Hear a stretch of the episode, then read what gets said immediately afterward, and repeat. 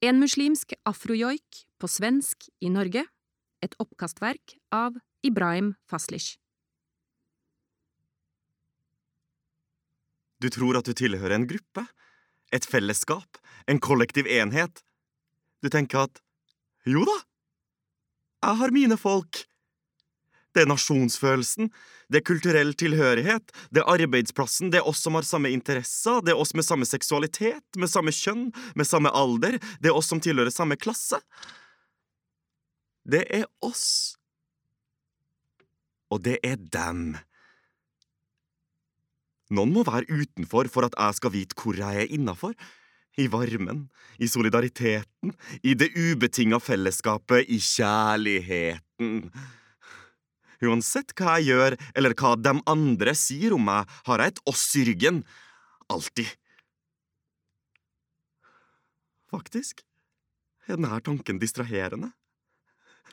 Så tanken om at du tilhører et fellesskap, distraherer deg fra sannheten om at alle fellesskap i grunnen er imaginær, og at i virkeligheten er du alene. Du er aleine. Du tilhører ikke noe fellesskap. Landet ditt eksisterer ikke. Du har funnet det opp.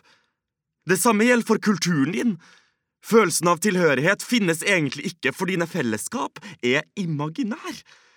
Du finner dem opp fordi du ikke takler tanken på at du faktisk er helt alene, at du ikke har noen i ryggen.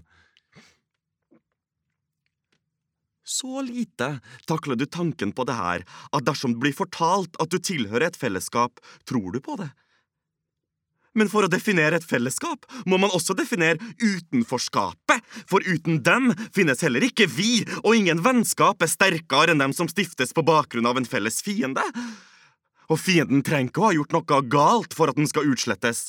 Fienden trenger kun å ikke tilhøre ditt fellesskap, for dem som ikke tilhører ditt fellesskap, er en trussel for det.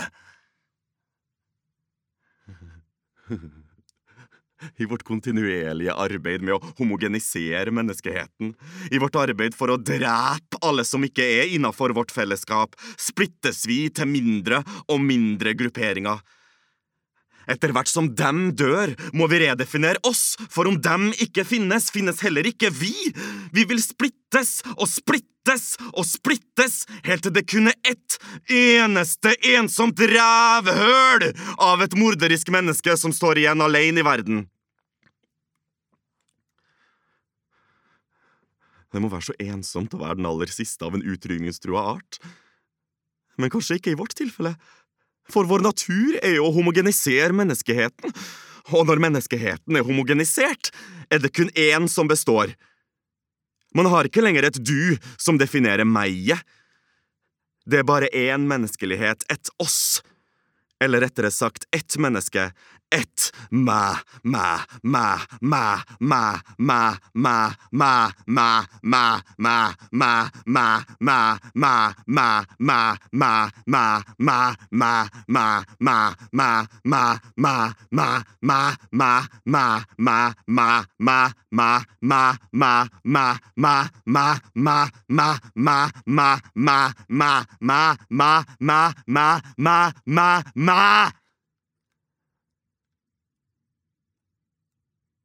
Jeg bryr meg ikke om hvem du er. Jeg bryr meg kun om hva du er, for hva du er, er aleine. La meg ta dere med to og en halv millioner år tilbake i tid. Menneskehetens forfedre, apene ved navn Australopithecus, utvandret fra Øst-Afrika og bosatte seg etter hvert over hele verden.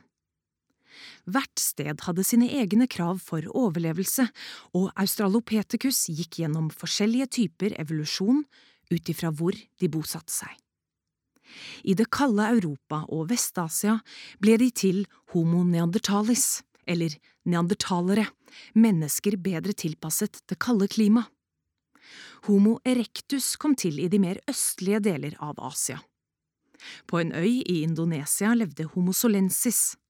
På en annen øy ved siden av kom homo florensiensis til live, en dvergrase av mennesker som også jaktet på dvergelefanter og andre dvergdyr på øyen befolket av dvergarter. Akkurat som det i dag lever forskjellige raser av andre skapninger, var det for to millioner år siden minst seks forskjellige raser mennesker på jordkloden. Homo neandertalis, neandertaleren, Homo erectus, stående menneske. Homo solensis, menneske fra Solodalen. Homo florensiensis, menneske fra Florensøyen. homo denisova, Homo rudolfensis, menneske fra Rudolfsjøen. Homo ergaster, det arbeidende menneske. og Homo sapiens, det vise mennesket. Ja, det er oss. Det vise mennesket, som vi så beskjedent har titulert oss selv. La meg fortelle deg om den gangen det vise mennesket utvandret fra sine områder i Vest-Afrika og inn i neandertalernes Europa. En liten Homo sapiens-familie. Mor, far og barn har akkurat ankommet Europa og møter en gruppe nysgjerrige neandertalere. Pappa, Ja, hvem er det der? De var ekle. Nei, lille venn, ikke si at de er ekle bare fordi de er eh, Det er ikke fint. Jeg, jeg går til dem. Nei, det kan vi nok ikke. Å, hvorfor ikke? fordi mamma sier det. Du skjønner det ikke ennå, lille venn, men eh, Hun ligner litt på deg. ja, litt. Det er viktig å holde seg til sine egne, lille venn.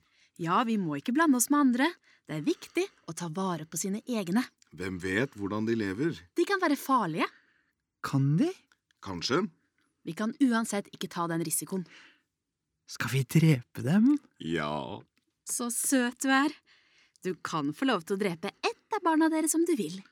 Jeg og pappa holder det fast, og så slår du det hodet med en stein. Gang på gang, helt til skallen knuser og hjernen renner ut av hodet på det. Sånn som du er så flink til å gjøre med de rottene vi fanger og spiser, vet du. Ja, kjære, og vet du hva? Vi kan beholde en av dem om du vil. Kan jeg? Å, dere er verdens beste foreldre! Fine gutten vår, det blir så bra det her. Men den er ikke bare din. Det er viktig at vi deler på den. For eksempel om pappa har lyst, må han få lov til å låne den en gang iblant. Ja da, pappa. Ja, og mamma òg. Selvfølgelig, mamma. Og, og når den blir for gammel, så skal, jeg, så skal jeg drepe den, akkurat sånn som jeg gjorde med det andre barnet. Så søt! Jeg elsker dere. Vi elsker deg også, kjære. Greit. Er dere klare? Ja, la oss gjøre det. En, to, tre! Det var cirka sånn det utspilte seg første gangen det selvutnevnte vise mennesket møtte andre raser av mennesker, og sånn fortsatte det etter hvert som vi møtte flere og flere raser.